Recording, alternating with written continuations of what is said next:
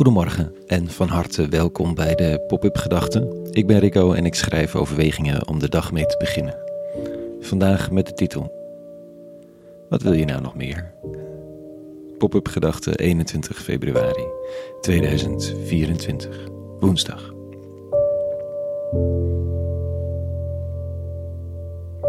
De rapporten buitelen over elkaar heen.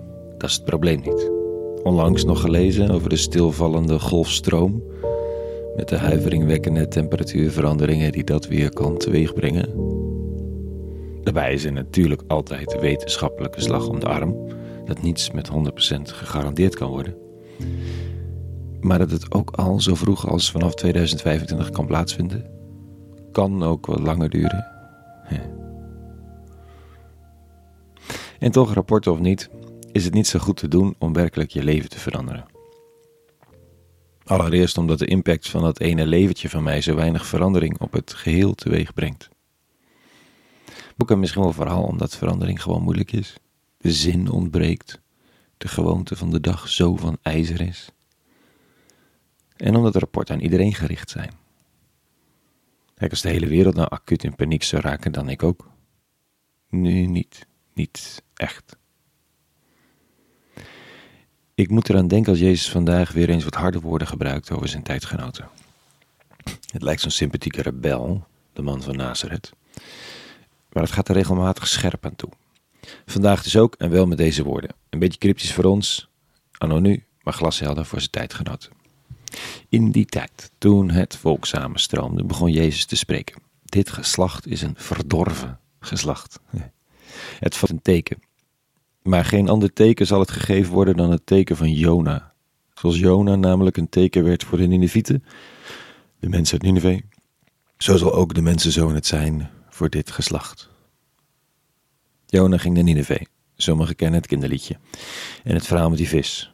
Maar daar doelt de rabbi even niet op. Na de vis loopt Jona de grote stad Nineveh binnen en zegt: Bekeer u, anders wordt deze stad met de grond gelijk gemaakt. Al dus God. Meer zegt hij niet. En na drie dagen houdt hij er ook alweer mee op. Maar de mensen in Nineveh worden geraakt, beginnen te bidden en te vasten en vermurwen God.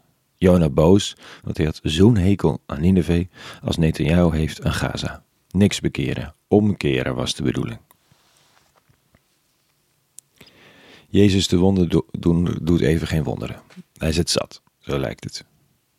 Je zoekt spektakel, iets waardoor iedereen op andere gedachten komt met oes en a's, maar je hebt alle info al. Tijd om je gedrag te veranderen. Om nationalistische en religieuze trots te parkeren, om weer in alle kwetsbaarheid. Degene lief te leren hebben die je niet zag staan.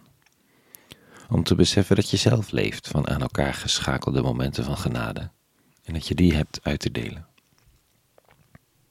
Dat onze wereld een fikse ommekeer te wachten staat, is wetenschappelijk gezien uiterst realistisch. We hebben het echter zo uitbesteed aan de wetenschap en de politiek dat ik niet zo goed weet of ik er ook spiritueel chocola van kan maken. En of het niet een oproep tot serieuze bekering is voor een wereld waarin de machtigen zich te goed hebben gedaan aan de kwetsbaren en het kwetsbare. Van kwetsbare mensen tot kwetsbare ecosystemen. En we manieren hebben gevonden om zo ongeveer alles te industrialiseren. Dat we dat tij misschien niet gaan keren, is nog geen reden om niet te bidden of te vasten en de eeuwige te vragen wat ons te doen staat, nu.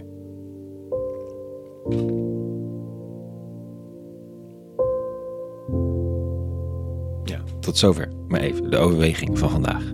Een hele goede, toch in alles woensdag gewenst. En in dit alles voor ons allemaal vrede. Vrede en alle goeds.